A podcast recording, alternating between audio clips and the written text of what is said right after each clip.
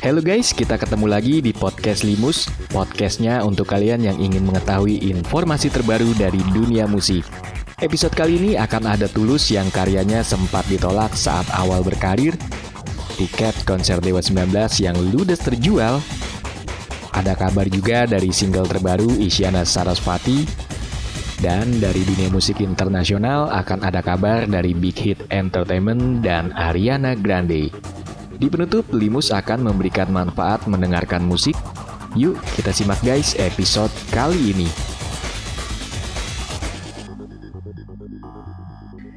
Kita mulai dari dalam negeri kisah Tulus yang karyanya sempat ditolak saat awal berkarir. Penyanyi Tulus mengakui harus menempuh jalan yang berliku pada awal karirnya Sebab saat itu Tulus yang belum mengetahui bagaimana caranya untuk memulai karir sempat menemui jalan buntu.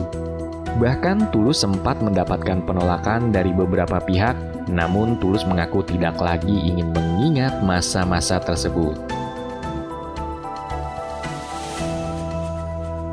Masih dari dalam negeri, tiket konser reuni Dewa 19 yang ludes terjual. Siapa yang tidak kenal dengan band Dewa 19 grup band ternama Tanah Air, Dewa 19 akan kembali melakukan konser reuni untuk kesekian kalinya. Dan konser tersebut akan diadakan pada tanggal 4 Oktober 2019 mendatang. Antusiasme Bala Dewa Sebutan untuk para penggemar grup band Ahmad Dhani dan kawan-kawan itu membludak. Hal tersebut terbukti dari tiketnya yang telah ludes terjual. Konser Dewa 19 ini akan digelar di The Casablanca Hall, kawasan Tebet, Jakarta Selatan.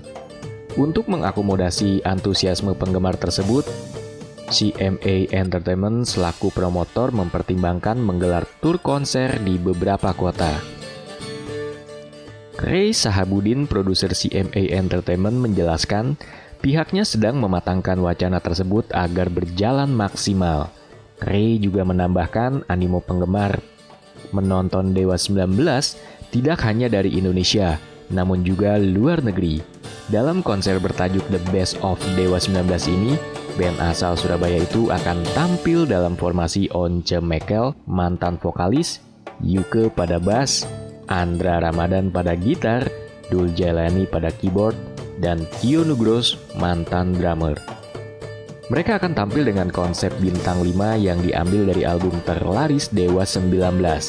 Album ini pertama kali dirilis pada tahun 2000 dan merupakan album perdana Once serta Tio saat bergabung dengan Dewa 19.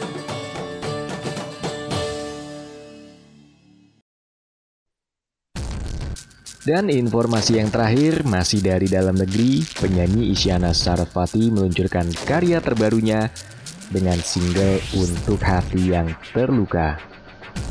Menurut Isyana, single itu lahir saat ia sedang berada di titik terendah dalam hidupnya. Dan ada empat fakta mengenai single terbaru dari Isyana. Yang pertama itu, lagu tersebut dibuat saat Isyana sedang sendirian di rumahnya di Bandung, Jawa Barat. Saat itu, Isyana sedang berada di titik terendah dalam hidupnya. Ia mencurahkan perasaannya yang kemudian menjadi melodi dan lirik. Saat itu, Isyana hanya ditemani keyboard usang dari masa kecilnya. Fakta selanjutnya, Isyana mengumpamakan single ini sebagai surat untuk pendengarnya agar segera bangkit dari keterpurukan. Dan fakta selanjutnya, Isyana tidak memungkiri ia mengalami jatuh dan bangun dalam kehidupannya. Musik selalu menjadi tempatnya menuangkan semua perasaan, terlebih lagi Isyana memiliki sifat introvert yang membuatnya semakin sulit membicarakan masalahnya kepada orang lain. Fakta yang terakhir pada single tersebut, Isyana dibantu oleh basis band Barasua, Gerald Situmorang. Menurut Isyana, Gerald mampu menyempurnakan lagu ciptaannya menjadi utuh. Itu informasi dari dalam negeri di Limus episode kali ini. Limus, liputan informasi musik.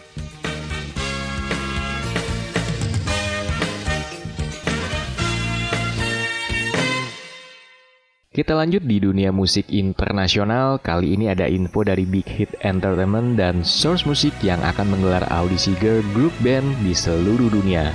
Big Hit Entertainment dan Source Music mengumumkan secara resmi pelaksanaan audisi untuk girl group baru. Bulan lalu, agensi yang menaungi boyband BTS itu mengungkapkan akan menggelar audisi global untuk girl group bersama Source Music, label yang baru diakuisisi Big Hit. Audisi itu akan dimulai dari Amerika Serikat dengan audisi di Los Angeles dan New York pada 5 Oktober mendatang Kemudian audisi akan bergeser ke Australia dan Asia. Untuk Jepang, audisi akan digelar di Osaka dan Sapporo pada tanggal 19 Oktober, serta Tokyo di tanggal 20 Oktober. Sedangkan di Taiwan, audisi diadakan di dua kota yaitu Taipei dan Kaohsiung yang masing-masing tanggal 19 dan 20 Oktober. Untuk Vietnam diselenggarakan di dua kota yaitu Hanoi 26 Oktober dan Ho Chi Minh City pada tanggal 27 Oktober. Sedangkan untuk Australia, audisi dilaksanakan di Perth pada tanggal 12 Oktober dan Melbourne pada tanggal 13 Oktober. Audisi di Singapura berlangsung pada tanggal 12 Oktober dan Bangkok, Thailand pada tanggal 26 Oktober. Sedangkan untuk di dalam negeri sendiri, Korea Selatan, Big Hit, dan Source Music menggelar beberapa audisi, yaitu di Busan, Gwangju pada tanggal 19 Oktober dan Seoul pada tanggal 20 Oktober. Selain merilis poster untuk mengumumkan tanggal dan lokasi audisi, Big Hit Entertainment juga meluncurkan video teaser tentang audisi tersebut. Dan kabar selanjutnya dari Ariana Grande yang menggugat Forever 21 sebesar 140 miliar rupiah. Penyanyi Ariana Grande menggugat Forever 21 karena menggunakan model mirip dengannya dalam iklan yang sepertinya mengambil inspirasi video musik Seven Rings miliknya. Dalam gugatan, Grande menyebut Forever 21 dan perusahaan dalam satu grupnya yaitu Riley Rose menggunakan nama, kemiripan, dan hak intelektualnya untuk mempromosikan memperkenalkan merek tersebut. Penyanyi 29 tahun itu mengaku pernah menolak terlibat dalam promosi merek mereka dan Grande juga menolak penawaran itu karena kompensasi yang diajukan Forever 21 untuk promosi melalui media sosial tidak sesuai dengan nilai kebintangannya. Di bulan Januari hingga Februari 2019, Forever 21 meluncurkan iklan pada halaman resmi dan akun media sosialnya Iklan itu pun dituding memanfaatkan kesuksesan album Grande Thank You Next dan menjiplak beberapa adegan dari video musik Seven Rings Grande. Dalam surat gugatannya, Grande juga menyebut Forever 21 setidaknya menggunakan 30 gambar dan video yang menyalahgunakan nama, gambar, kemiripan, dan musik untuk menciptakan persepsi Grande mengendorse merek mereka. Forever 21 juga menggunakan model yang mirip dengannya dan berpenampilan mirip dengannya, seperti rambut di sanggul dua yang ada dalam video Seven Rings. Iklan itu juga mencantumkan lirik lagu tersebut pada kolom keterangan selain menggunakan foto Ariana tanpa izin.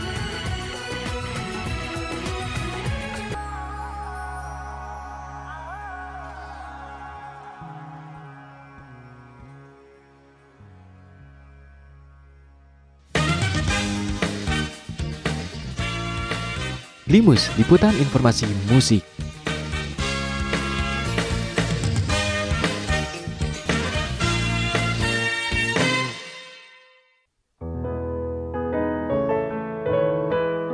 Sebagai penutup, Limus akan memberikan manfaat mendengarkan musik yang kabarnya itu bisa meningkatkan IQ anak.